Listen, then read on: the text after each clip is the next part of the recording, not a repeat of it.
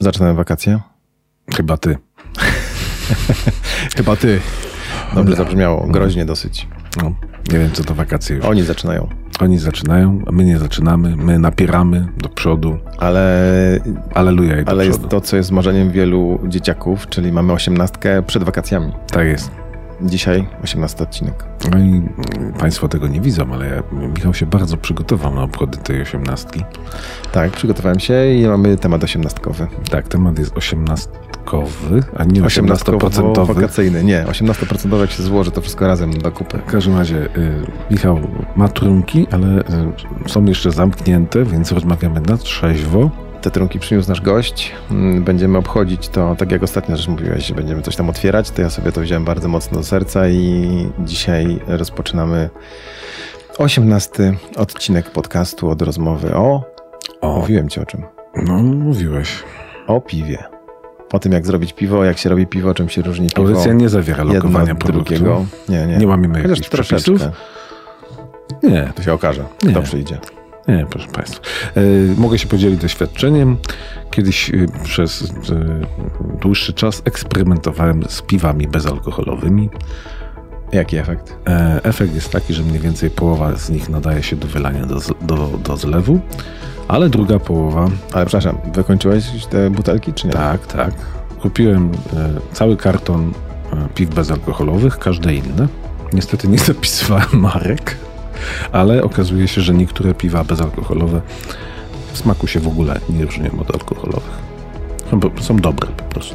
To trochę niemożliwe, bo ja z kolei pytałem pana w, browaru Żywie, w browarze Żywiec, czy da się zrobić piwo bezalkoholowe, które będzie smakowało tak jak alkoholowe. Że jednak chyba to jest taki mm, wzór niedościgniony, bo alkohol tworzy coś takiego z naszymi kubkami smakowymi, że mm, nie da się. Ale jak ty twierdzisz, że się da, no to Znaczy, te, nie będę szczęście, fachowcem na szczęście ta twoja rozmowa nie jest... Była e, przed twoimi degustacjami. Nie, na szczęście dzisiaj nie rozmawiasz z przedstawicielem browaru Żywiec, Okej. e, bo ja, ja wiem, że są, że są miłośnicy browaru Żywiec, natomiast Ty znalazłeś piwa bezalkoholowe, które smakują jak alkoholowe. piję do, tego, e, piję do tego, że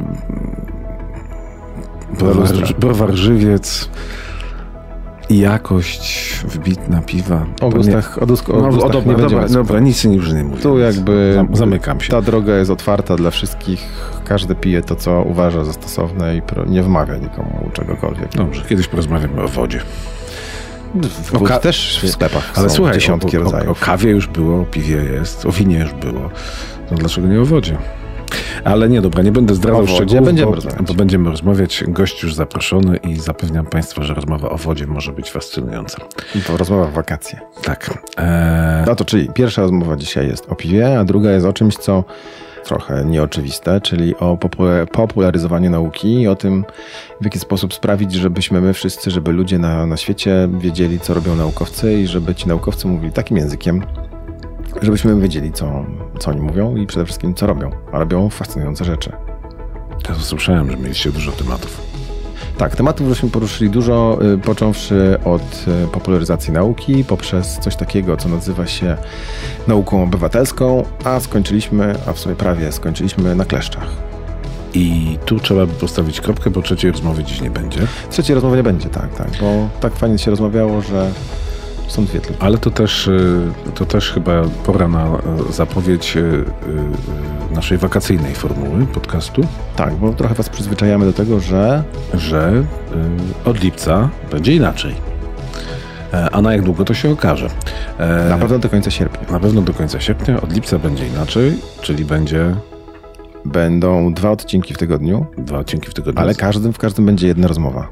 Czyli być może krótsze, ale nie zawsze. Raczej dłuższa, jak się okazuje. No dobra, od trzech rozmów to może będą krótsze. E, Ale rozmówców e, szykujemy świetnych, ciekawych i jeszcze ciekawszych. Taki mamy plan, żeby się cofnąć trochę do historii Poznania. Mam nadzieję, że to się uda. Będziemy wynajdywali rozmówców, którzy mają y, wielkie doświadczenie i tworzyli historię Poznania. Ale takie wstrząsające historie też. I niewstrząsające generalnie. Posłuchamy i spróbujemy sobie przypomnieć, jak to Ale było nie 10, ty- nie 20, 30 lat temu. Ale nie tylko o historii będzie. O teraźniejszości też będzie, o sprawach i problemach nieoczywistych. Tak, będzie o Poznaniu. Tak jak do tej pory, tylko że w troszeczkę innej formule. Spróbowaliśmy pytać różnych ludzi, czy ta formuła, którą stosujemy dzisiaj, czyli trzech osób w jednym odcinku jest dobra, czy nie jest dobra i wszyscy mówią i myślą to samo co my, czyli czasami jest dobra, a czasami nie. I potrafimy znaleźć tyle samo argumentów za tym, że jest, że jest to fajne, bo mieszając rozmówców możecie mm, trafić na ludzi, których nie, pos- nie chcielibyście posłuchać, czy A może przypadkiem by was nie przekonanie, a przypadkiem posłuchacie, bo to są zawsze fascynujące, fascynujące osoby, fascynujące tematy. Mm, Wakacje, jedna osoba, jeden odcinek, e, no i zobaczymy, jak to zadziała dla was. To co, już nie przedłużamy? Nie przedłużamy. 18 odcinek podcastu poznańskiego, druga wersja. Zapraszamy Państwa. Zapraszamy.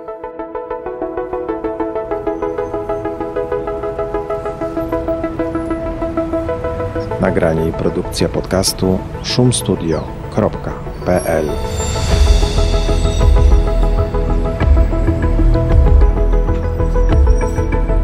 No to, tak jak zapowiadaliśmy, na trzeźwo dwóch panów się spotkało i rozmawiało o piwie. Z kim, Michał, rozmawiałeś? E, Moim gościem był Łukasz Grudzień, prezes spółki Poznańskie Browary Rzemieślnicze, bardzo ładnie się spółka nazywa. A tak e, na co dzień możecie go znać jako mm, właściciela, może nie jego znać jako właściciela, ale ten browar poznański em, działa pod, sprzedaje piwo pod marką Harpagan, a ostatnio także pod e, marką drugą swoją, która będzie dostępna w poznańskich restauracjach, która nazywa się Poznaj. A Minąłem go w drzwiach i stwierdziłem, że nie jest chodzącym reklamą piwa. Mięsień piwny nierozrośnięty. Rozmawialiście o tym? Nie, Nie. A, to trzeba, nie, my skupiliśmy się na najważniejszych rzeczach. Nie na skutkach, tylko na, e, na produkcji. No to zapraszamy w takim razie. Zapraszamy na rozmowę o piwie. Jak to jest? Człowiek staje w sklepie przed regałem, na którym są dziesiątki różnych rodzajów piw i decyduje, kurczę, nic tam nie ma dla mnie, zakładam browar. zakładanie browaru, nie, troszeczkę, dro, droga troszeczkę inaczej wyglądała. Bardzo podobnie jak y, wielu, y, wiele browarów rzemieślniczych, które w tej chwili w Polsce funkcjonują. Takim, można powiedzieć, kuźnią browarów em, rzemieślniczych, tych, tych fizycznie funkcjonujących, jest piwowarstwo domowe. Od tego bardzo wielu... Żeście zaczynali od robienia piwa w domu? E, tak, tak, tak, tak. E, moi wspólnicy, ja też działaliśmy na początku w Stowarzyszeniu Piwowarów Domowych. Wspólne ważenia, gdzieś tam na jakichś pokazach, tego typu rzeczy. No i tak od słowa do słowa gdzieś tam pojawiła się idea e, spróbowania komercyjnie, tak? E, Zrobienia więcej, zrobienia komercyjnie e, w jakiś sposób sprofesjonalizowania tego, no i właśnie powstał browar kontraktowy, tak? Czyli coś, co jeszcze Właśnie, jakby nie wy wymaga... Macie swoje urządzenia? Macie swój wielki browar, w którym są Nie, tak kominy? jak właśnie wspomniałem, my jesteśmy browarem kontraktowym, czyli, e, czyli jakby nie mamy własnej instalacji, tą instalację wynajmujemy od e, browarów, które fizycznie istnieją, natomiast e, receptury, pomysł na piwo, opakowanie, etykiety, tak, to wszystko jest jakby nasz pomysł i, i od tego to jakby wy- wychodzi. To, to tak? brzmi prosto. No, usiąść na kanapie z kumplami, pomyśleć sobie, dobra, jest, będziemy robić piwo i robimy. No, niby tak, bo, bo robienie piwa y, nie jest kosmiczną technologią. Można to, to przyrównać do takiego robienia zupy, tak? Ale tak jak już tu rozmawialiśmy w, w kuluarach, można zrobić y, dobry rosół i można zrobić rosół, który jest niejadalny, tak? Tak samo jest też y, z piwem. Odpowiedni dobór składników, wiedza, doświadczenie, jak to może smakować, no, ma tu bardzo duży wpływ. Tak? Zresztą też samo wykonanie później jest wiele etapów przy produkcji piwa, gdzie nie pilnując pewnych rzeczy, no, można to piwo przysłowiowo zepsuć. Tak? Dlatego też y, no, tutaj podkreślam też rolę właśnie tych browarów fizycznych, e, i zaufania, jakimi kontrakty czy browary kontraktowe e, obdarzają browary długo, fizyczne. Długo szukaliście tego browaru, który jest takim browarem godnym zaufania dla was? Długo, niedługo, tak. No, tych browarów tak naprawdę fizycznych, godnych polecenia nie ma wcale wiele w, w Polsce, jeżeli mówimy o browary rzemieślnicze, tak, które dysponują um, taką skalą, która jakby nas interesuje. Także to, ten wybór też jest ograniczony. No, my tutaj jakby w środowisku wszyscy się doskonale znamy, tak? Także wiemy, kto, nie wiem, buduje na przykład nowy browar, kto w tym browarze będzie y, piwowarem głównym, czyli będzie odpowiadał za, za produkcję. To jest to najważniejsze. Także tak to, tak, to, tak, tak to wygląda. Tak? A nie kusiło was, żeby jednak mieć e, swój, swój budynek, swoją firmę, swoje biuro? E, oczywiście, że, że, że nas kusiło i, i cały czas nas, na, na, nas kusi. Tylko no, zaczynając biznesy, tak, to są małe biznesy, zaczynając je od zera, no, rzadko kogo stać jest na wybudowanie własnego browaru, tak? No bo to są inwestycje rzędu kilku, nawet kilkunastu milionów, tak? Jeżeli już mówimy o jakiejś takiej większej, y, większej instalacji. Dlatego no, bardzo wiele podmiotów y, zaczyna od, y, od, od ważenia kontraktowego. Nawet w tej chwili browary, które są fizycznymi, są na rynku, są uznanymi rzemieślnikami i też wielokrotnie zaczynali jako, jako, jako kontrakty, tak, czy browary kontraktowe. No i mówię, to jest też taka naturalna droga, tak? Raz, żeby sprawdzenia siebie, czy, czy w tym biznesie... Czy wam się podoba? Tak, czy nam się podoba, czy się odnajdujemy, tak? Bo, czy no, robicie no, dobre piwo? No, czy robimy dobre początek. piwo, tak? Piwo też możemy robić dobre, ale na przykład y, z nie jakichś powodów nikt, nikt nie będzie chciał go kupować, tak? Bo nie wiem, nie podoba e, mu się etykieta, nie podoba mu się, nie wiem, podejście, mamy no słabą dystrybucję i tak dalej, tak dalej, tak, no. Dokładnie tak po to, śmierci. Tak, no właśnie, browar rzemieślniczy to też trochę taki, może powiedzieć, e, e, rock and roll artyzm, nie chcę to jakby zbyt wyniosłych słów do tego używać, ale tak, tak, tak, tak to wygląda, tak, bo browarów rzemieślniczych w tej chwili na rynku też jest bardzo dużo, także każdy gdzieś tam czymś stara się wyróżnić, zdobyć swoją grupkę jakichś wiernych odbiorców. No, u nas takim, oczywiście na jakość piwa stawiliśmy od samego początku, tak, ale też zdecydowaliśmy się, że ten nasz przekaz marketingowy, czyli wygląd etykiety będzie szedł w stronę takiej powiedzmy zadziorności, no, troszeczkę rubaszności, tak? No zresztą też stąd nazwa, e, wybór nazwy samej marki, e, wybór później nazw poszczególnych piw, tak? To, to, to było to, to, ta charakterystyka. Trudno. Czy w ogóle ma to jakieś przełożenie dla nas, dla klientów? Czy, czy, czy to w ogóle nie ma żadnego znaczenia? Czy ja kupuję od browaru, który jest fizycznym browarem, czy kupuję od was jako od marki? Tak, no, analizując rynek, no, nie, nie mam jakby dokładnych statystyk, ale y, przypuszczam, że w większości, jeżeli chodzi o, o rzemiosło, przynajmniej z tym, co ja się stykam y, i gdzieś tam na półkach sklepowych widzę, czy na jakichś tam festiwalach, bo my też często na różne festiwale po kraju, y, czy gdzieś tam dalej poza granice Polski jeździmy, no to 80% to są rzeczywiście to są marki. E, marki. to są wypusty, za którymi stoi konkretny człowiek, tak. Y, może klient bezpośrednio stojąc przy półce, jeżeli nie jest y, gdzieś tam związany ze środowiskiem, to on nie będzie wiedział, kto to jest. I nie musi ale, wiedzieć. Ale te, nie musi wiedzieć, ale też nie stanowi problemu żeby to bardzo szybko sprawdzić. Tak? No mamy internet, mamy Facebooka, praktycznie każdy browar prowadzi e, dość intensywną tam nie ma promocję. z naszej tak. fabryki. Tak, tam, tam są zdjęcia e, i produktów, tam są zdjęcia realnych ludzi, którzy właśnie odpowiadają za, za ten produkt.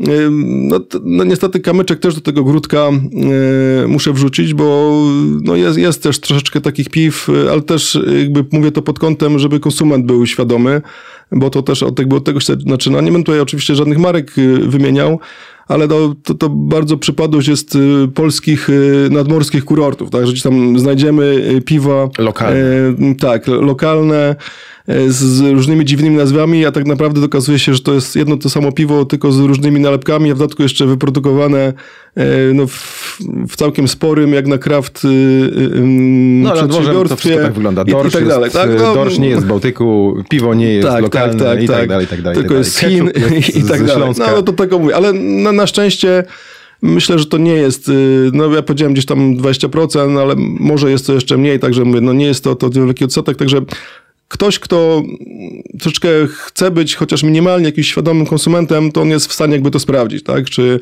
rzeczywiście e, to piwo i w łatwy sposób jest to w stanie sprawdzić, czy to piwo rzeczywiście powstało e, z ręki, tak, z ręki człowieka, który rzeczywiście bierze odpowiedzialność za to, co tam w środku tego piwa się znajduje. Czyli zwracamy uwagę nie na to, czy jest zrobione we własnej fabryce, tylko na osobę piwowara, który tak, to ma, swoją to ma tutaj bardzo dużo, dużo znaczenia. Tak. firmuje piwo. A czym wasze piwo różni się od tych piw koncernowych? Tych takich, naj, no powiedzmy sobie, najtańszych. No. Przede wszystkim ceną. Tak? No tak, no właśnie. To, to, jest, to jest to, co pierwsze Do ceny dojdziemy. Taki konsument tak zauważy.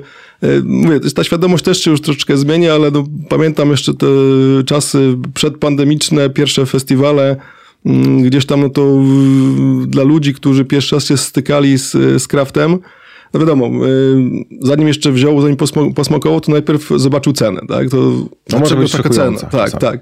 Ale wielu tych ludzi, y, nawet bez jakiegoś większego wyjaśnienia, tak? Tylko po spróbowaniu tego piwa, y, oni sami przytakiwali i mówili, aha, dobrze, ja, wiem, wiem, wiem skąd ta cena, tak? No, no, raz, że kwestia skali, tak? To też jest ekonomika. Im tego piwa jakiegoś zrobi się więcej, tak, to tym ta cena jednostkowa też jest mniejsza, no ale to jakby już jest zupełnie inna kwestia. Natomiast e, to, co e, u nas jakby tą, tą cenę powoduje i co wyróżnia właśnie te nasze Na piwa rzemieślnicze, tak? tak, no to właśnie są e, surowce. My tutaj jakby nie używamy E, żadnych e, zamienników, e, żadnych przyspieszaczy typu enzymy, które powodują, że fermentacja przebiega szybciej. To są klasyczne, można powiedzieć, składniki, plus tak, masa dodatków, ale naturalnych, tak, które my które do, do, piwa producenta. dodajemy. Znaczy nie, nie, nie są tajemnicą, bo my na etykiecie wymieniamy, tak, ale no, jakby w takiej czystej w cudzysłowie nazwijmy to postaci, no, piwo składa się z, z, z trzech składników, tak, plus czwarty służący do, do fermentacji, tak, to jest jakby woda, e, słód, tak, i, i chmiel, który e, służy jako przyprawa, no i drożdże, które później odpowiadają za fermentację. Tak? To są jakby podstawowe składniki, które są niezbędne do tego, żeby wytworzyć piwo. Natomiast później e, pojawia się wiele jeszcze różnego dodatków, z których my korzystamy, po to, żeby to piwo spowodować, że będzie ciekawsze, lepsze. To są dodatki y, owocowe, to jest kwestia też żonglowania różnego rodzaju chmielami, które mają y, różnego rodzaju profile goryczkowe, aromatyczne y, i tak dalej, tak? Dodatki mm, związane z, z, nie wiem, ziołami, tak? No właściwie,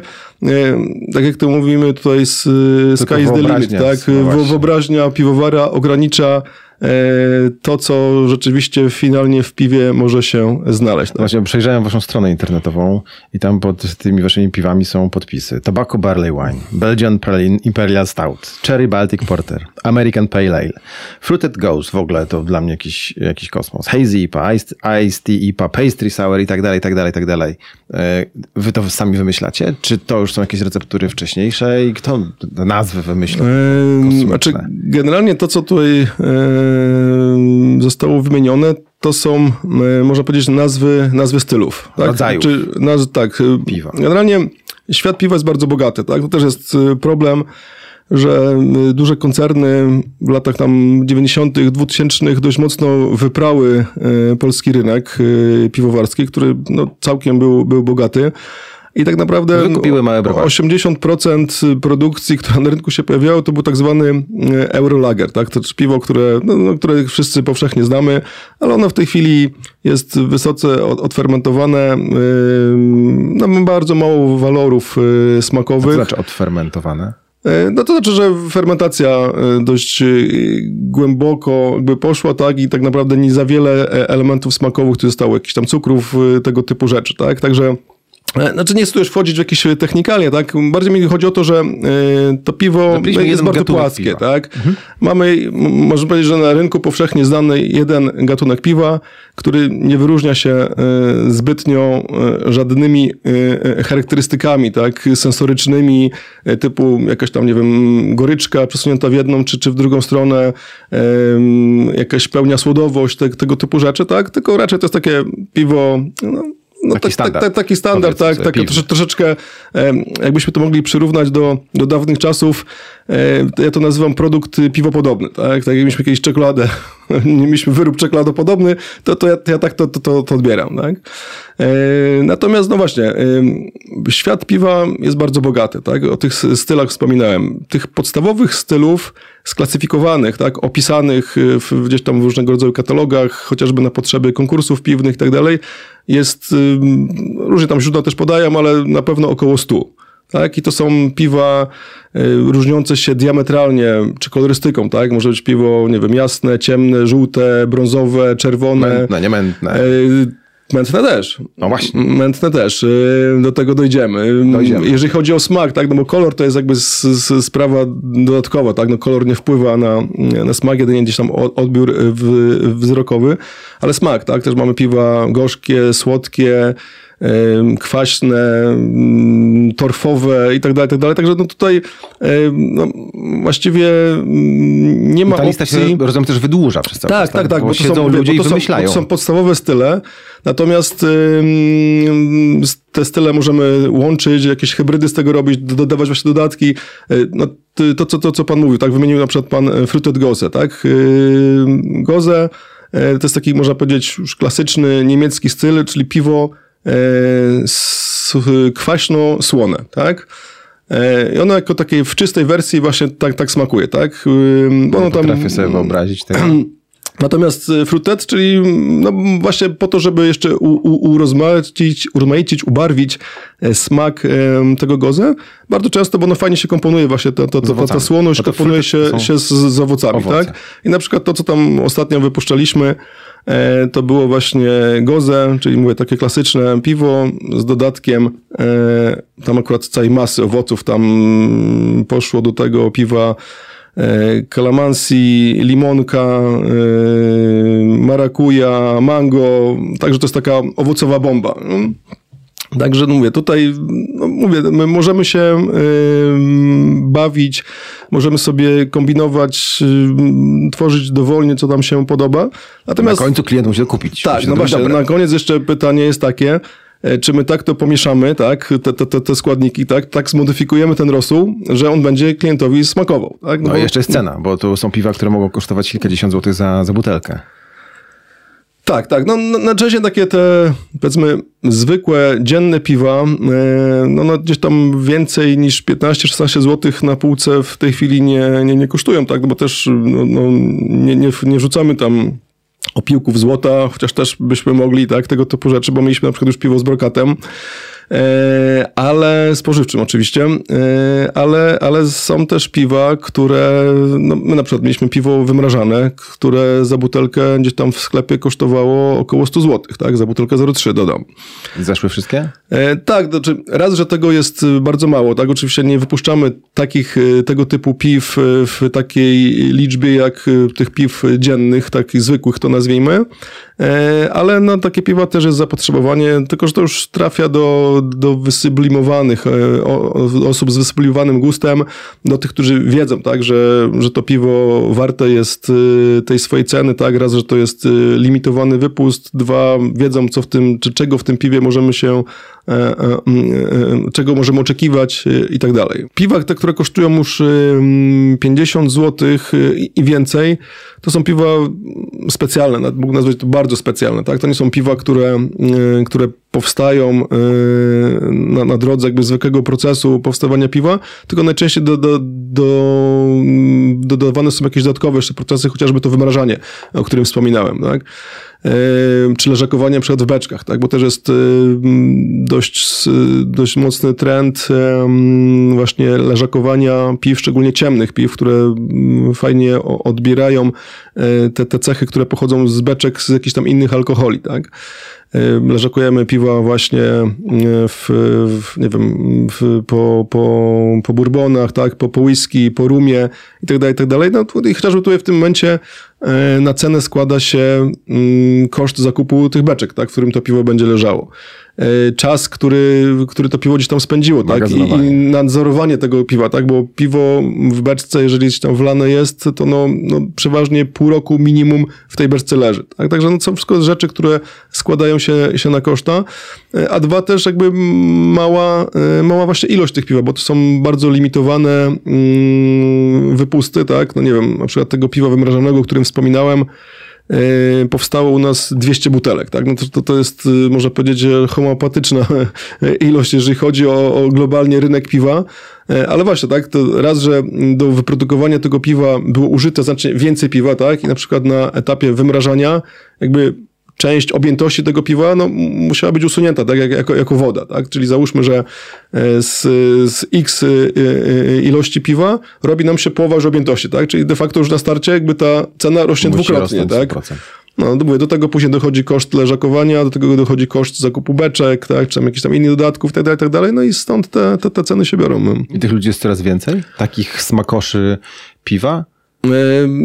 Czy, czy wie, może, może, może aż takich y, geeków, jak to my nazywamy, którzy są w stanie kupić piwo za 100 zł, to czy ich jest więcej? Raczej, raczej bym powiedział, że, że, że jakaś stała wartość jest, bo część od, odpływa, e, część nowych dochodzi i tak dalej, tak? Natomiast um, obserwujemy to i też nad tym pracujemy, tak? Nie tylko jakby my tutaj jako, jak, jako, jako Harpagan, tak? Ale też wszystkie browary rzemieślnicze nad tym, żeby budować świadomość e, tego piwa, e, wychowywać jakby konsumentów, że lepiej jest wydać troszeczkę więcej i wypić jedno dobre piwo, tak, niż trzy kiepskiej jakości, tak. I takich konsumentów no, widzimy, że jest coraz więcej, coraz więcej jest restauracji, które otwierają się na browary rzemieślnicze i nie chcą mieć u siebie już jakiegoś tam standardu, czegoś, co jest wszędzie dostępne, tylko chcą się czymś wyróżnić, chcą mieć y, właśnie coś, co raz będzie unikatowy, a raz że wiedzą, że za tym też idzie odpowiednia jakość. Czyli wchodzicie w konkurencję tak trochę z winem w tej chwili, tak? Wychowujecie ich tak klientów, jak wychowali winiarze. Powiedzmy tak, tak, tak, tak. To jest, znaczy, no wino jest troszeczkę innego typu, e, innego typu napojem alkoholowym, ale tak, no, nie chcemy też jakby tutaj jakiejś takiej aury niedostępności z tego e, piwa robić, czy nie wiadomo, co to, co, co, co to jest, tak, ale generalnie tak, tak. E, chcemy, żeby klient był świadomy tego, że Y, płaci więcej za coś, ale nie, nie płaci za to, że nie wiem, bo my sobie taką marżę zrobiliśmy, tak, i chcemy się, nie wiem, szybko dorobić, jak to niektórzy y, uważają, tylko że rzeczywiście y, jest to produkt, który warty jest swojej ceny. Ale, Ale tak... walczycie tego samego klienta, dla którego picie alkoholu de facto ma być przyjemnością, a nie um, skutkować um, znanym wszystkim efektem, tak? Tak, tak, tak, tak. No właśnie my do tego dążymy, żeby piwo traktować, czy też oczywiście czerpać z tego przyjemność, ale traktować to właśnie nie coś, co ma nas, brzydko mówiąc, sponiewierać, tylko ma nam dostarczyć e, bodźców, tak, smakowych, e, Ale sensorycznych, tak obcowania. Było, piwo przez wiele lat było tak traktowane jako coś, co ma sponiewierać.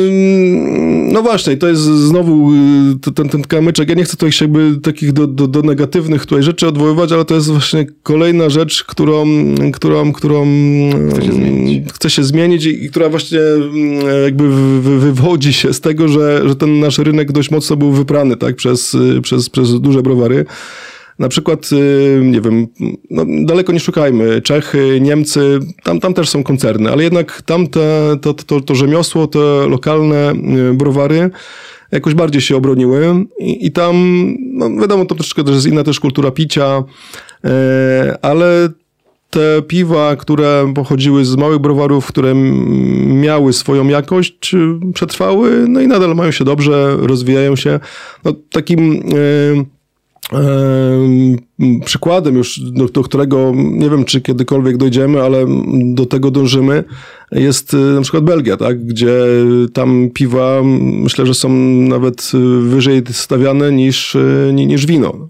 Ale Ta, tam wielo, wielo, wiele tak, tak, tak, tak, tak, tak. No i tam y, właśnie jest kwestia podawania tego piwa, dobierania szkła, tak, do, do, do, do piwa, które jest podawane. Potrafi być 20 czy 30 rodzajów tak szklanek jest. do każdego tak, piwa tak, tak, tak, tak, tak. Ja też pierwszy raz, jak właśnie byłem w Belgii, wszedłem do, do pierwszego lepszego pubu, patrzę, tam wisi tyle szklanek, każda inna, mówię, o, o co tu chodzi, nie? Jeszcze do tego, tego świata tak nie znałem, tak? A właśnie szklanki. E, Belner, kelner wytłumaczył mi, owszem, barman, że właśnie to jest do, do każdego stylu piwa dedykowane jest odpowiednio szkło. Jak teraz wiem, tak, że, e, że właśnie tak powinno się podawać. E, inne piwo jest, czy przepraszam, inne szkło jest do piw pszenicznych, inne piwo jest dedykowane, inne szkło jest dedykowane piwom na przykład typu IPA i tak dalej, i tak dalej. tak? na przykład na butelce to obejrzę sobie, ale chyba nie ma rysunku szklanki, w jakiej to powinno być. Akurat na tej butelce, którą mam tutaj, tego nie ma, nie ma ale my mamy kilka, kilka wzorów etykiet, bo też staramy się że tutaj, żeby takiej nudy nie było. I na części z, z tych etykiet, gdzie pojawia się tak zwany food pairing, gdzie jeszcze sugerujemy z jakim daniem dane, dane piwo najlepiej się łączy, jest też podawane, czy sugerujemy oczywiście konsumentowi w jakim szkle najlepiej to piwo wypić. Tak? Oczywiście jak wypije w innym szkle, to też nie nic się nie stanie, tak? Nie, nie umrze, także jakiś duch kraftu na niego nie stąpi, nie porazi go piorunem, ale tak, tak, tak to właśnie wygląda, bo to generalnie też szkło ma za zadanie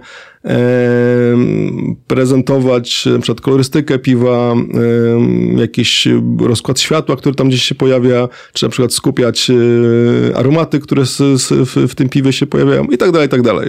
Wy chyba osiągacie jakąś, jakiś sukces, bo y, zauważyły to, to, to, co wy robicie, tą waszą robotę rzemieślniczą, duże koncerny i często na półkach widać piwa, które są stylizowane na piwa rzemieślnicze, wypuszczane przez tych największych. Tego się nie boicie? Nie. Y, Klient potrafi wyczuć. Tak, tak. Y, Podróbkę. No mówię, my staramy się, my staramy się właśnie bardziej nie walczyć, tylko kształtować y, i wpływać na, na, na świadomość konsumenta. Rzeczywiście był taki czas, że e, koncerny troszeczkę próbowały się podszywać, tak, i nawet walczyć z, z, z browarami, e, browarami, browarami rzemieślniczymi, bo zaczęli, że to troszeczkę tego, tego tortu gdzieś tam im e, ubywa, tak. Ale po pewnym czasie okazało się, że my nadal stanowili tak małą skalę w, w globalnej sprzedaży piwa, no że, sensu, że, że, że stwierdzili, że nie ma sensu, a po drugie, nawet ktoś tam pewno mądry doszedł do wniosku, że tak naprawdę my im robimy za darmo e, marketing, tak? Bo oni właśnie wypuszczając, tak jak pan powiedział, jakieś troszeczkę inne piwa, stylizowane na lepsze, mogą do tych piw dać większą marżę i je sprzedać, tak? Konsument je kupi, oni są zadowoleni i tak, tak, tak, tak to wygląda. To nas porobią.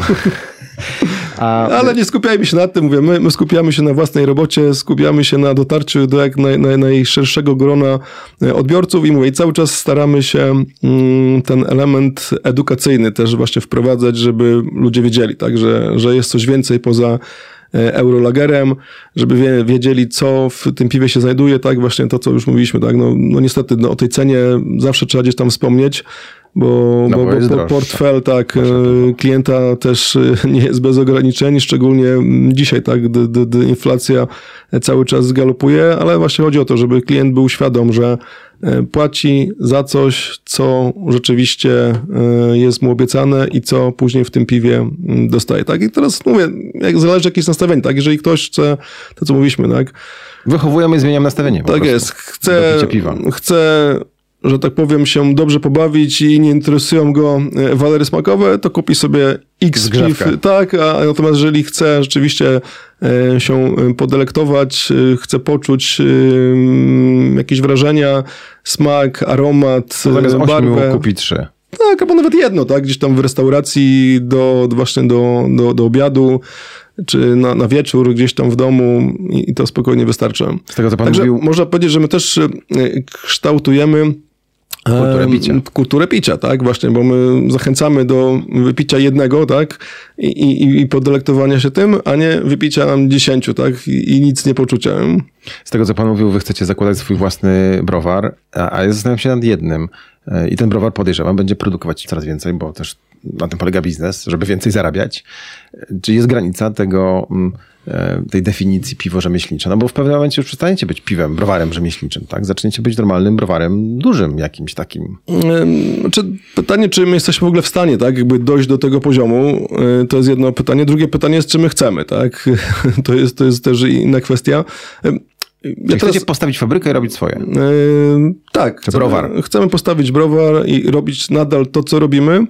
Oczywiście, no wiadomo, y, browar też y, pociąga za sobą większe koszty, tak? bo to jest kwestia utrzymania instalacji, utrzymania e, x pracowników, którzy już tam muszą być jakby na stałe. Także no wiadomo, trzeba sprzedać odpowiednią ilość, żeby to na siebie jakby zarobiło. Tak? Natomiast no, raz, że myślę, że dojść do poziomu tyle, ile produkują koncerny, robiąc tego rodzaju piwo, jest raczej awykonalne. Tak? tak, to na pewno, ale jest jakaś, może nie tyle granica, co moment, w którym przestajecie być browarem rzemieślniczym.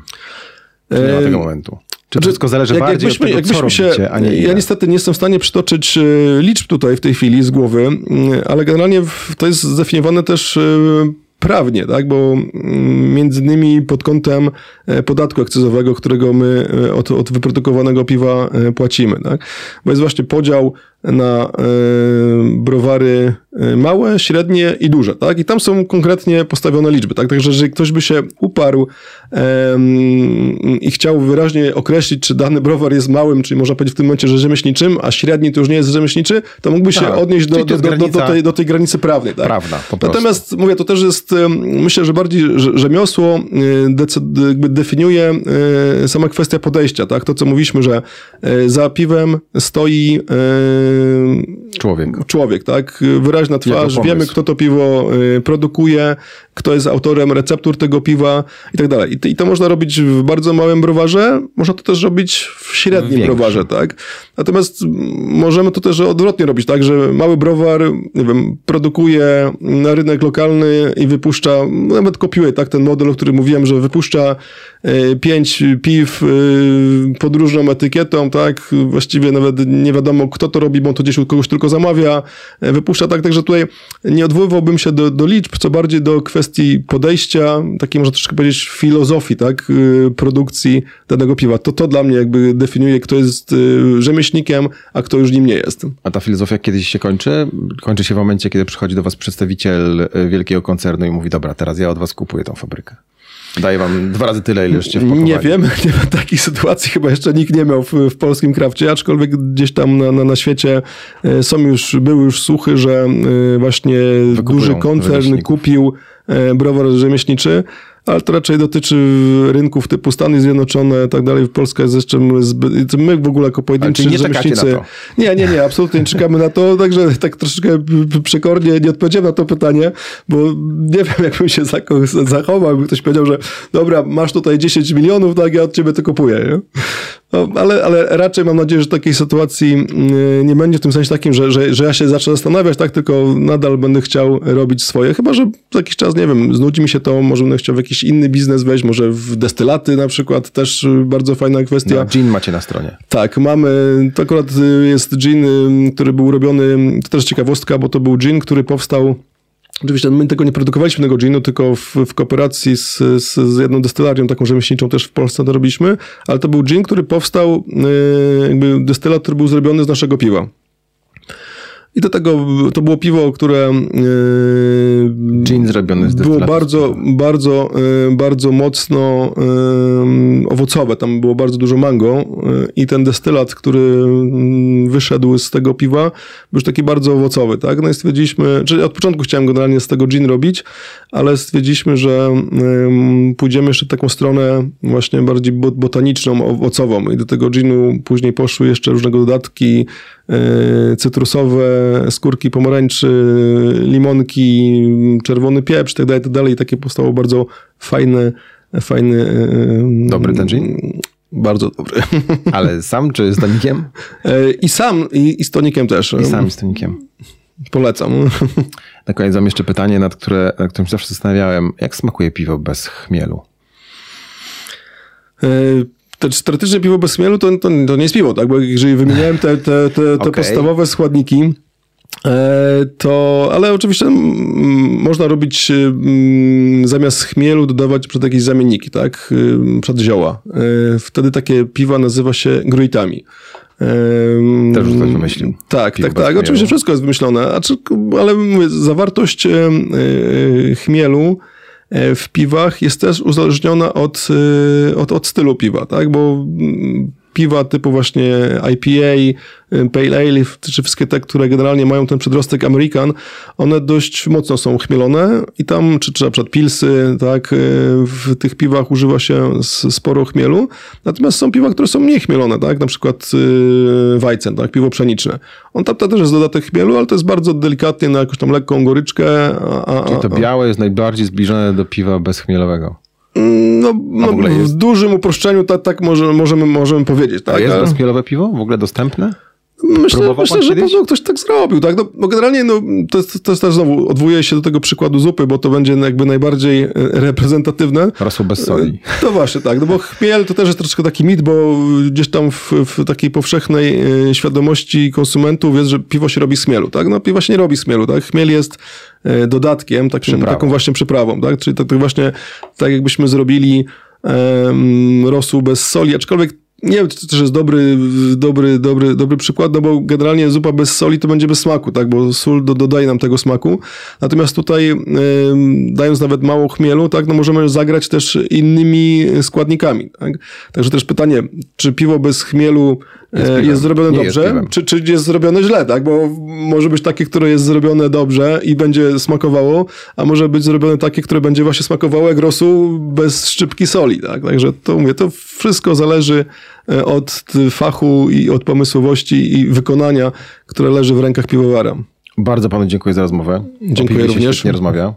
Tak, tak. Myślę, że tutaj byśmy mogli jeszcze z dwa dni rozmawiać. Tak, no jak z każdym fachowcem. Sz jest... Szczególnie jakbyśmy jeszcze jakieś e, e eksponaty tutaj Jakbyśmy otworzyli to piwo, które tutaj stoi na stole. Moim gościem był Łukasz Grudzień, prezes spółki bardzo ładnie nazywającej się Poznańskie Browary Rzemieślnicze, e, a spółka jest właścicielem marki Harpagan i najnowszej marki, która nazywa się? Poznaj. Poznaj. I to jest marka, która będzie dostępna gdzie? Czy to jest marka, która już jest dostępna, ale dostępna. głównie na rynku e, Choreka, czyli rynek lokalny, kawiarnie. tak, czyli restauracje, restauracje hotelowe e, i tego typu punkty gastronomiczne. Bardzo dziękuję za rozmowę. Dziękuję również. I od piwa płynnie przechodzimy do nauki.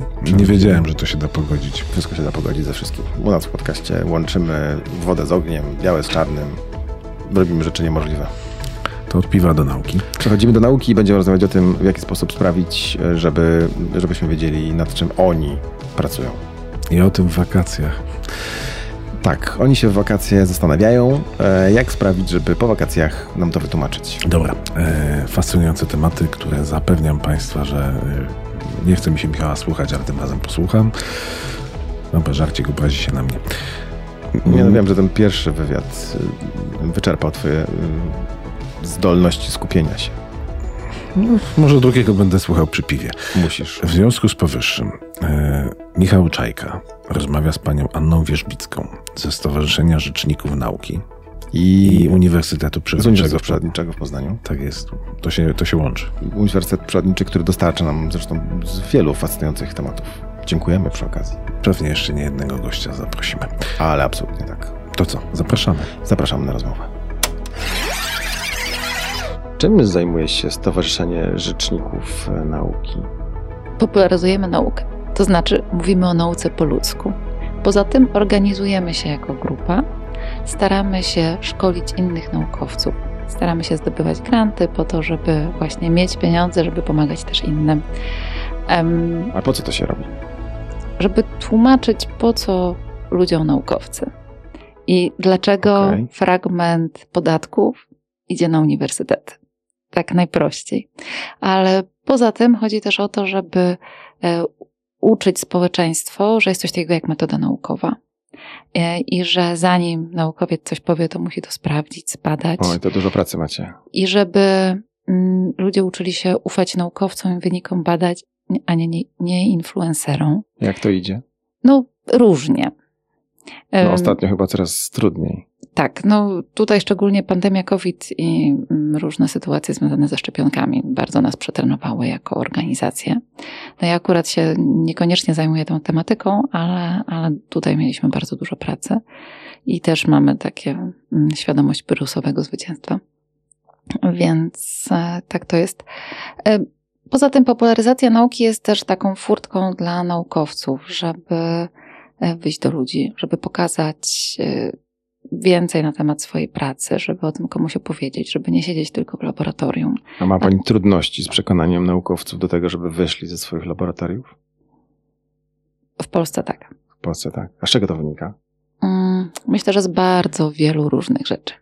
Pierwsza jest taka, że my jako kraj, jako kultura sieć w kącie, a cię znajdą. Tak? Tak. Tak, um, to się zgadza. Często się spotykam z taką, z taką właśnie odpowiedzią, ok, jak będą chcieli, to sami mnie znajdą. Tak. E, I mamy też takie podejście, że o jak kogoś pokazali w telewizji, to ma parcie na szkło. Tak, od razu jest obgadywanie. Ja po chyba pierwszej lub drugiej swojej setce w telewizji dostałam anonim, że powinno mi się odebrać doktorat, bo powiedziałam w telewizji słowo krzaki. A nie ma czegoś takiego. Tak, jest tylko podrost i podszedł. To jest problem ze wszystkimi naukowcami, z którymi się rozmawia, że, który ja też przećwiczyłem już nieraz, że trzeba ich przekonać, żeby oni mówili ludzkim językiem do ludzi. Tak. A mają tendencję do mówienia bardzo fachowym swoim językiem ze swoich prac naukowych, ponieważ boją się oceny swoich kolegów, którzy właśnie zrobią coś takiego, jak pani mówi, że nie ma czegoś takiego jak krzaki. Tak, ale ja też uczę leśników tego. Język leśny, taki zawodowy, jak każdego zawodu, jest bardzo hermetyczny. I ja wtedy pytam moich studentów, dobrze, ile tysięcy ludzi jest zatrudnionych w lasach państwowych? Ile milionów ludzi mieszka w Polsce? A teraz proste równanie matematyczne. Ile to jest procent? Więc jak was puszczają w wiadomościach, to ile procent osób, które widzą, tak, a to jest ułamek procenta jednego, tam zero coś tam, e, zrozumie to, co mówiliście. To chcecie być zrozumiani, czy nie? Chcecie być akceptowani, czy nie? I oni I chcą? Generalnie tak. Nie boją się I szefów? Wszyscy się boją szefów, tak. No tak, Tylko, no to jest zupełnie inna historia. Tak? tak, tak, to zupełnie inna sprawa. Jeśli chodzi o polskich naukowców, to kolejna rzecz jest taka, że nikt nas tego nie uczy. To na zagranicznych uczelniach są takie przedmioty już na studiach magisterskich czy na studiach doktoranckich. Myślę, że w Polsce to też się zmieni, bo na przykład teraz na Politechnice Śląskiej powstały studia podyplomowe z popularyzacji nauki i trzymam za znajomych e, naprawdę bardzo mocno kciuki. Będzie jeszcze żeby... więcej youtuberów i tiktokerów. No może będą nauka, dziennikarze naukowi nie tylko w Warszawie w końcu. To będą po prostu popularyzatorzy naucy, nauki, tacy, którzy mogą wejść na Wydział Matematyczny i popularyzować to, co się tam dzieje, mogą wejść na Uniwersytet Przyrodniczy, tak po prostu będą mieć taką ogólną wiedzę? Znaczy, generalnie to chodzi bardziej o techniki i o sprawdzanie informacji i właśnie nie banie się mówienia po ludzku. Za granicą są takie zawody. Tak jak jest dziennikarz naukowy, jest też popularyzator nauki. Oczywiście każdy ma jakąś swoją specjalność, no bo ja jestem przyrodnikiem, zoologiem, no to nie będę mówić o budownictwie. Musiałabym się bardzo dużo nauczyć, żeby prosto, ale zgodnie z prawą Narzędzia ma pani. Tak, no więc jakby pewnie trzeba było się przekwalifikować, usiadłabym na trzy miesiące i dałoby radę. E, więc e, to też jest coś takiego, że jako stowarzyszenie dążymy do tego, żeby powstał taki zawód. E, też coś takiego jak manifest popularyzatora nauki już od jakiegoś czasu tworzymy przy okazji kongresów Nauka i Media. Staramy się wyszukiwać, najpierw szkolić, a potem wyszukiwać też tych naukowców, którzy chcą, którzy, którym to idzie łatwiej, którzy chcą się uczyć, którzy chcą popularyzować. Kontaktujemy ich z dziennikarzami. Jest taki kongres Nauka i Media, mamy go zawsze raz w roku, w grudniu i tutaj zapraszamy e, wszystkie strony do tego, żeby się poznawali, bo w mediach brakuje osób, które potrafią mówić. Jak się słucha podcastów, czy radia, czy telewizji, proszę zobaczyć, że co chwilę są te same osoby. Tak? Ci sami A jak z czego to wynika? No, wynika to bardzo często, moim zdaniem, nie wiem, czy się pan ze mną zgodzi, z tego, że po prostu jest niewielu naukowców, którzy chcą popularyzować. Jak już ktoś jest od jakiejś dziedziny, no to po prostu zadaje mu się pytania z szeroko pojętej tej dziedziny. Nie zgodzę się z panią. Nie? To wynika z dwóch rzeczy. Z mojego doświadczenia takiego dawno dziennikarskiego, to wynika z tego, że popularyzować pewno chce wielu naukowców, ale z niewielu osób, niewiele osób, które są dostępne, a jak wiemy w mediach, czasami to jest kwestia godziny, żeby człowieka złapać, które są dostępne i potrafią w 20 albo 30 sekund opowiedzieć to, co dziennikarz chce usłyszeć E, naukowcy mają, po pierwsze, są niedostępni, a po drugie, mają tendencję do bardzo rozwlekłego i długiego mówienia. I ja myślę, że tu jest ten problem, bo chętnych na pewno jest więcej, tylko że mm, myślę, że problem jest właśnie z tym, żeby oni się nauczyli technik komunikacji z mediami. No i dlatego Stowarzyszenie Rzecznicy Nauki ma program e, właśnie dla naukowców e, w kilku Teraz panu nie powiem, czy siedmiu, czy ośmiu y, uniwersytetach w tym roku, w listopadzie i grudniu będzie szkolenie. e, na ten temat i my tego wszystkiego uczymy. Sami mamy to doświadczenie, no bo wszyscy jesteśmy naukowcami, przynajmniej, albo byliśmy wszyscy, byliśmy gdzieś tam na studiach doktoranckich, albo dalej pracujemy na uniwersytetach i te kontakty z mediami mamy, mamy swoje wzloty i upadki. E, I właśnie tak staramy się też po naukowemu podejść do tego, tworząc manifesty, tworząc programy szkoleń e, i tłumaczyć kolegom z innych ośrodków, że to nie takie straszne. Oni są chętni? Czasami tak, czasami nie. No to generalnie jest Ale na przykład chętnych. dzwonią do was i mówią, słuchajcie, nauczcie mnie tego. Czy raczej jest odwrotnie, to wy musicie dzwonić i mówić, słuchajcie, zapraszamy. To znowu też zależy, bo od ostatniej ewaluacji nauki, bo pewnie nie wszyscy nasi słuchacze wiedzą, że naukowiec, tak jak każdy pracownik firmy, podlega ocenie. I my mamy takie oceny raz na 4 lata i tam są różne elementy. Jak na przykład ja jestem nauczy- tak zwanym naukowcem, e, znaczy pracownikiem naukowo-dydaktycznym, to moja ocena to jest nauka, czyli publikacje naukowe, jakie badania zrobiłam i jakie opublikowałam. Dydaktyka, czyli ile miałam zajęć ze studentami, ilu miałam magistrantów, inżynierantów i jak studenci mnie oceniają. Czy zrobiłam jakieś dodatkowe rzeczy typu właśnie noc naukowców czy inne. I trzecia to jest y, popularyzacja, tak, tak zwana społeczna odpowiedzialność nauki. To znaczy, czy chodzę do przedszkoli opowiadać o lesie, czy mam wykłady dla liceów, czy artykuły w mediach, tak? I o to wszystko musi pani się sama postarać. Tak. Y, No i to jest y, no, z jednej strony wolność pracy naukowca, że nikt nade mną nie stoi, z drugiej strony no, trzeba spełnić te wymagania. Tak. No i ponieważ ten element popularyzacyjny został dopiero co wprowadzony, y, to jeszcze nie wszyscy potrafią sobie dać z nim radę, albo nie wszyscy dostrzegają, że też jest istotny. Ale są takie jednostki, jak na przykład Instytuty Polskiej Akademii Nauk. No i tutaj była sytuacja, w której kolega zadzwonił i powiedział, wiesz, potrzebuję szkolenia dla moich pracowników, bo będziemy musieli spełnić ten trzeci filar, e, no i się musimy za to wziąć. Czyli mieliśmy inwazję mm, antyszczepionkowców, tych wszystkich ludzi, którzy tra- tra- traktują świat alternatywnie. Teraz będziemy może mieli nie inwazję, ale kontratak naukowców, którzy będą starali się nam tłumaczyć świat. Mam nadzieję, że tak będzie. Ja też. Tak? I pani, państwo nad tym pracują. Tak, nad tym pracujemy. Łączymy też właśnie dziennikarzy i naukowców. Mamy taką specjalną grupę, gdzie wszystkich znanych nam naukowców z Polski wrzucamy i jak mają jakieś pytanie, potrzebuje fachowca od czegoś na trzyminutowy wywiad, to właśnie piszę i wtedy... Będziemy ktoś- w kontakcie bliskim. Tak jest. Tak naprawdę zaczęliśmy od zupełnie innego tematu, bo ja chciałem zacząć od czegoś, co nazywa się Citizen Science. Pomyślałem sobie, że to jest świetna sprawa, że coś takiego powstało. Przeczytałem sobie o co chodzi, ale raptem się okazało, że to wcale nie jest nowa rzecz, tylko że to jest rzecz, która funkcjonuje w, od bardzo, bardzo dawna, od 70 lat, a, a gdzieś tam Wikipedia pisze, że nawet Karol Darwin był przedstawicielem czegoś, co się nazywa Citizen Science, czyli włączania obywateli w tworzenie nauki. Tak, i to się bardzo mocno łączy z popularyzacją nauki, No tak właśnie. naprawdę.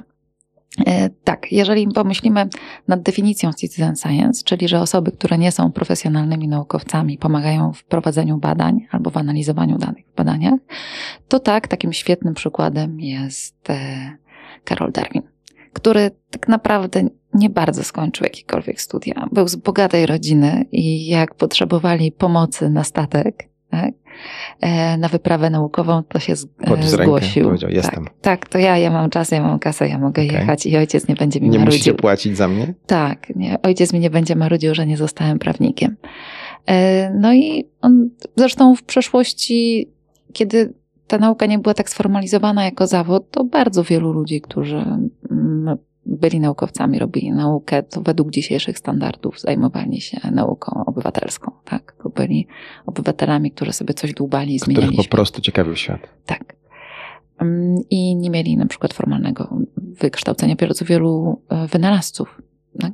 Mówi się o tym, że pierwszy konkurs na Citizen Science to było jak wojska napoleońskie szukały jak przechowywać żywność. I gość, który wymyślił puszkę konserwową. To to. To ten czas. Takie duże akcje to początek, przełom wieku XIX i XX. Bożonarodzeniowe liczenie ptaków w Wielkiej Brytanii. Jest uważane za taką pierwszą A jak się liczy akcję. ptaki? Wszyscy wychodzą tego samego dnia, o podobnych porach, z lornetką, na przykład do swojego ogródka i oglądają, co jest zapisują, co to jest. sobie w książeczkę. Tak, i potem wysyłają. wysyłają. Albo na przykład idzie się przez las w jakimś, czy, czy ogród, czy ulicę, transektem, który jest wcześniej umówiony, czy było, idę 200 metrów na północ albo 3 kilometry na północ i zapisuję wszystko, co zobaczyłam. To trochę tak jak z tym naszym projektem Citizen Science'owym, czy tak się mówi? Citizen Science. Może bez Nauki obywatelskie. No, naszym projektem nauk obywatelskich chrząszcz brzmi w trzcinie nie bez przyczyny. Musiałem Tak. sobie przeczytać, bo to dosyć trudna rzecz, myślę, że dla obcokrajowca nie do wymówienia. To jest realizowane przez Wielkopolski Park Narodowy, panią, pani uczelnię, czy Uniwersytet Przyrodniczy i UAM. Tak. Co to za To- projekt? To jest taki projekt, znaczy może Co, jeszcze czego trochę- oczekujecie od nas? Mm, pomocy, bo to jest proste. Naukowców jest mało, mają mało oczu i rąk. Tak?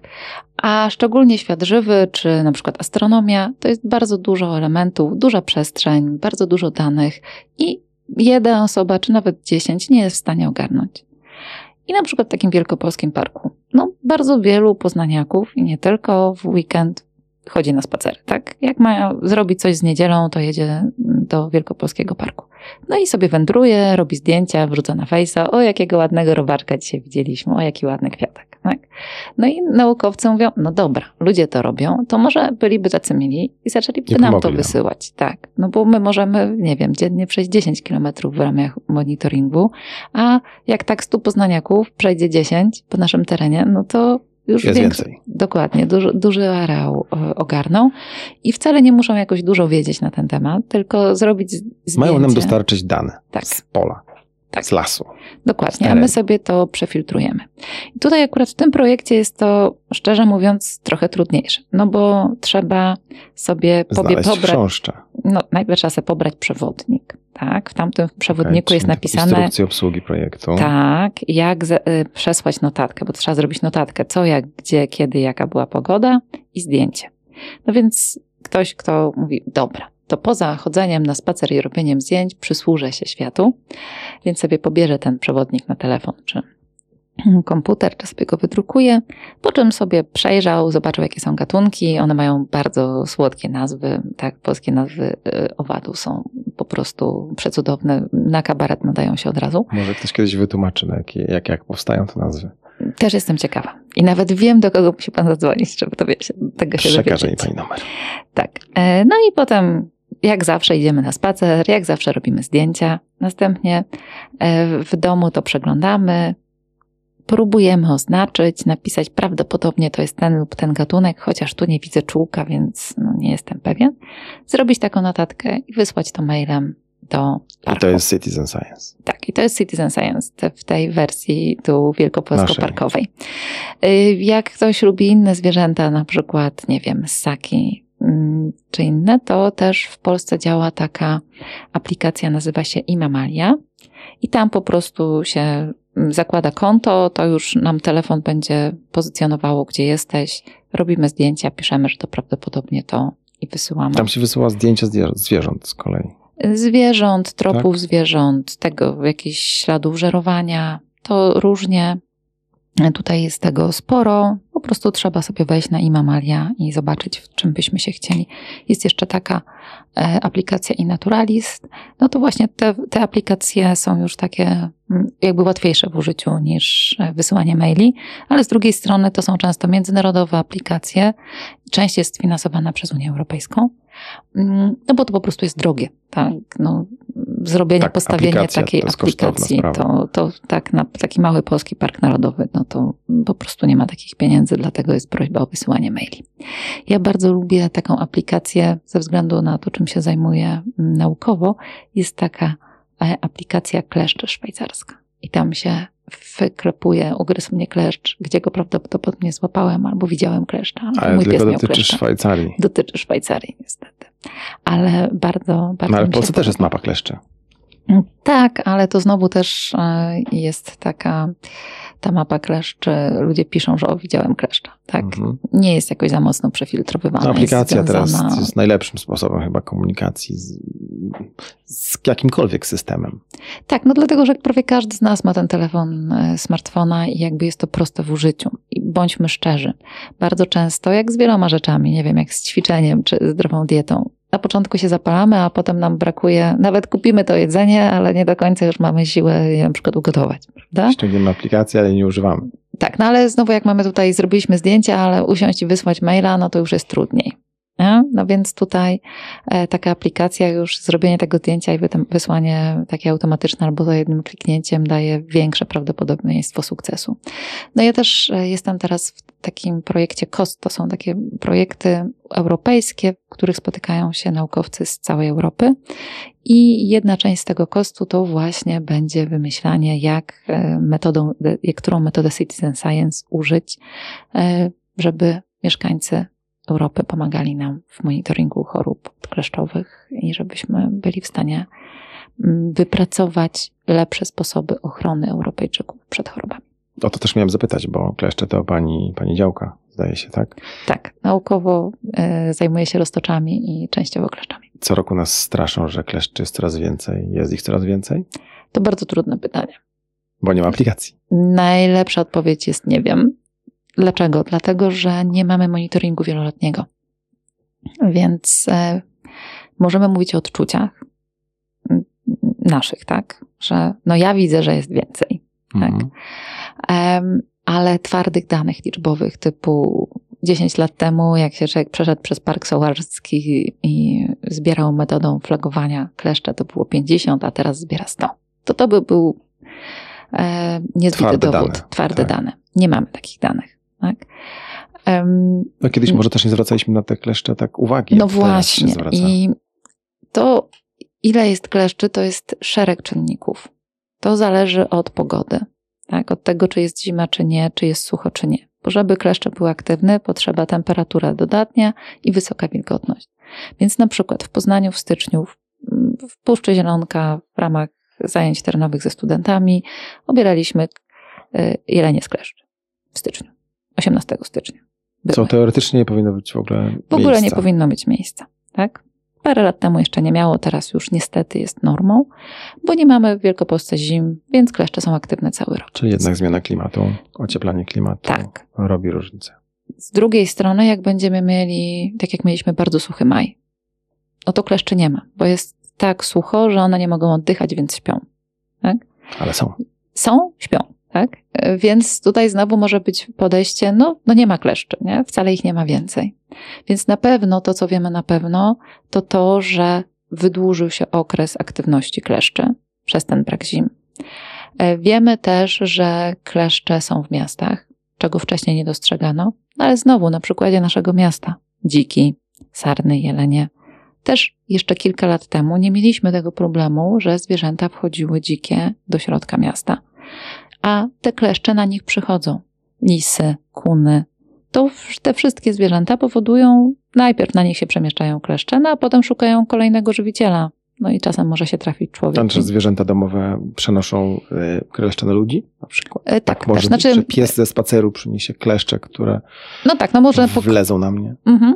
Może tak być. Może być tak, że po prostu chodziły po y, sierści psa i pies w jakiś tam sposób no, spadły z niego, e, no i potem szukały obiadu, no i trafiły na pana. Dlatego jestem przeciwnikiem spania z psami, między innymi. Mm. Więc tutaj jest jakby szereg czynników, które warunkuje to. Poza tym od początku lat, e, koniec lat 90., początek lat 2000 monitorujemy choroby. Tak? Mamy zapisy, ile jest boreliozy, KZM w Polsce. Kiedyś tego nie było. No i my na tej przestrzeni widzimy, że ilość jest przypadków wzrasta. wzrasta. Ale z drugiej strony jeszcze kilkanaście lat temu nie uczono o tym na studiach medycznych. Więc poprawia się też rozpoznawalność. A to wróćmy do tego citizen science, bo żeśmy zabrnęli w, w kleszcze. Usiądziecie w gronach europejskich, fachowców europejskich, wymyślicie sposób. I w jaki sposób ten sposób, który wymyślicie, może nam pomóc w tym, żeby kleszcze było mniej, żeby było mniej zachorowań? Jaki chcecie tak, no wtedy, cel? Chcemy, żeby było, znaczy chcemy wprowadzić taki protokół, nazywa to się DAMA protokół, mm, oceniania ryzyka. No? E, bo okazuje się, że po prostu często bierzemy, oceniając ryzyko wystąpienia na przykład jakiejś epidemii, pandemii czy skoku choroby, bierzemy pod uwagę przeszłości naukowcy brali nie te czynniki, co trzeba. No mamy coraz więcej wiedzy i coraz, coraz więcej nam to pokazuje. I jakby będziemy starali się sprawdzić, jak to będzie działało. Tak? Będziemy zbierać informacje o kleszczach, o zachorowaniach, o infestacji i według tego prognozować, No i sprawdzać, czy nam się te prognozy sprawdzają. Jak się będą sprawdzać, no to będzie to zalecono jako sposób dla służby zdrowia. Czyli żeby... prognoza na przykład będzie w telewizji powiedzą, słuchajcie, teraz jest na tym terenie zagrożenie Tak. większą liczbą kleszczy. Większą liczbą kleszczy i większe prawdopodobieństwo, że się rozchorujecie, więc jak wracacie ze spaceru, to należy oglądać się. Tak, i wszyscy pod prysznic. Dobrze, musimy czekać na ten projekt i pomagać Tak, no on się naukowcom. już zaczął i, i miejmy nadzieję, że na początku przyszłego roku będzie można, będę mogła powiedzieć i będę zachęcać wszystkich. Proszę, e, wejdźcie na tą stronę, weźcie sobie tę aplikację i zapisujcie swoje mm, e, Swoje kleszcze. Tak, swoje kleszcze, swoje obserwacje swoje czy ze swoich zwierząt. Myśli pani, że Citizen Science i to co, to, co pani robi, to jest przyszłość nauki? Czy to jest jeden z elementów tej przyszłości? Ja myślę, że to jest jeden z elementów tej przyszłości, bo jeszcze na przykład nie powiedzieliśmy, że ludzie oddają moc obliczeniową swoich komputerów, żeby można było na przykład Tak, przeliczać i rzeczy właśnie o ja- gwiazdach. Przygotowując się do tego wywiadu, e, zorientowałem się, że ja również byłem e, częścią Citizen Science, bo na przełomie wieków e, u mnie na komputerach wszystkich chodziła aplikacja SETI at Home, czyli poszukiwanie cywilizacji pozaziemskich. Nie wiem Tak, dlaczego. w tej 99 rok. chwili, Tak, 99 rok. Już 99. Nie wiem dlaczego w tej chwili to u mnie nie chodzi, muszę chyba to znowu włączyć, ale, ale tak było. Czyli ja byłem elementem, częścią Citizen Science. Tak, tak. Czy ja myślę, że to zależy, bo to też jest tak jakby element budowania społeczeństwa obywatelskiego i element em, realizacji celów zrównoważonego rozwoju. Mm, Właśnie te różne projekty nauki społecznej. I to bardzo dużo zależy od społeczności. I są kraje, które właśnie takie jak Wielka Brytania mają bardzo też ju- już tradycję, tak, bo to ponad 100 lat brania udziału w takich projektach i to jest normalne, oczywiste, tak samo jak na przykład w wolontariatach. W Polsce to idzie dużo bardziej opornie, bo ja tutaj próbowałam No bo jesteśmy studentami- najmądrzejsi. My, my wiemy chyba swoje wszystko najlepiej i, i tutaj nikt, żaden naukowiec nam nie będzie mówił, co ja mam robić. Ja mam takie wrażenie trochę. Też jest coś takiego, że myślę, że mamy bardzo często takie, takie poczucie bezsilności, że nie mamy na coś wpływu. I że po co ja się będę starał, to i tak nic nie da. Bo my tutaj robiliśmy takie, o mm, nietoperzach, mieliśmy taki projekt i wysłaliśmy do konkretnych grup ludzi, którzy powinni być tym zainteresowani. I zwrot mieliśmy 10%. I to było bardzo bolesne, szczególnie dla studenta, którego to był projekt. Mm, I to samo widać na przykład z wypełnianiem ankiet, tak? No w Polsce jakoś tak... e, Nie ma wiary w naukę? nie ma, nie ma też wiary w to, że ja jako jeden człowiek jestem w stanie coś zmienić, jestem w stanie coś dołożyć, że to moje życie i moja działalność coś znaczy. Bo ludzie się często spotykają z tym, że te ich starania wpadają w jakąś czarną dziurę, albo że dzieje się odwrotnie niż oni się starali. No i potem już nie chcą próbować kolejny raz. Po prostu. Ale mam nadzieję, że to się będzie zmieniać, bo też projekty Citizen Science, takie jak Globo czy y, Beagle są w szkołach. Tak? Się robi obserwacje y, w szkołach y, i uczniowie widzą też tego rezultat. Te wyniki są publikowane na odpowiednich stronach, znowu ogólnoeuropejskich, więc możemy porównywać obserwacje naszego drzewa pod szkołą z obserwacją drzewa pod szkołą w Hiszpanii. No i to już myślę, te młodsze pokolenia mam nadzieję, że będą bardziej chętne do, do tego, żeby współpracować z naukowcami, bo jeżeli chcemy zwiększać wiedzę, chcemy lepiej rozumieć świat, chcemy się rozwijać, to potrzebujemy dużej ilości obserwacji, dużej ilości danych. Na naukowców jest zbyt mało, żeby zrobili to samo. Czyli trzymamy ręce za popularyzatorów nauki, trzymamy, czyli trzymamy kciuki za popularyzatorów nauki, trzymamy kciuki za Stowarzyszenie Rz- Rzeczników Nauki, trzymamy kciuki, żebyśmy wszyscy byli mądrzejsi i bardziej wierzyli w naukę. No i żeby nam się bardzo chciało. I żeby nam się bardzo chciało. Bardzo Pani dziękuję za rozmowę. Yy, Przeszliśmy od yy, popularyzacji nauki przez Citizen Science do kleszczy. Moją gościnią była Pani Anna Wierzbicka z Uniwersytetu Przyrodniczego w Poznaniu i Stowarzyszenia Rzeczników Nauki. Dziękuję. Dziękuję. Jako się rzekło, Jako się rzekło, dwie rozmowy i druga była rozmową, rozmową dzisiaj ostatnią. i od poniedziałku po nowemu. Tak, bo w poniedziałek e, następny odcinek, 19, i to będzie specjalna edycja wakacyjna. Tak będziemy ją nazywać. Tak, no dobra, dobra. e, Odcinek 19, edycja wakacyjna. Nie z plaży, ale chociaż, chociaż może kiedyś zrobimy odcinek z plaży. Nie z plaży i też taki odcinek, który będzie mało, może wakacyjny, bo będziemy podsumować, podsumowywać coś, co się właśnie skończyło. A podobno ostro. Tak, wnioski są ostre. Czyli ja tylko zdradzę tyle, że e, tego odcinka powinien posłuchać e, pewien minister rządu polskiego. I wszyscy, którzy mają dzieci. Tylko, Przed wyborami. Tylko może, może rodzice niech wyciągają inne wnioski, a minister inne. Tak, i to będzie ostatnia już rozmowa o szkole po wakacjach. Właściwie Tak. przed wakacjami. Tak jest. Ja W czasie wakacji. W czasie wakacji. Także zapraszamy w przyszłym tygodniu według nowej formuły. Będzie, podcast poznański. będziemy częściej. Tak, podcast poznański, ale krócej. Podcast poznański, druga wersja w poniedziałki i czwartki. Zapraszamy Państwa. Czyli do usłyszenia w poniedziałek, I czwartek, ale najpierw poniedziałek. A potem czwartek. Dobrze. Do zobaczenia. Do usłyszenia. Do usłyszenia. Zawsze mi się to myli jakoś. Do zobaczenia, usłyszenia. Patrzą tutaj na nas. Tak, no zaczęliśmy Tam wakacje słuchają. już takie No. mentalne. No dobra. Miłego dnia. I tygodnia.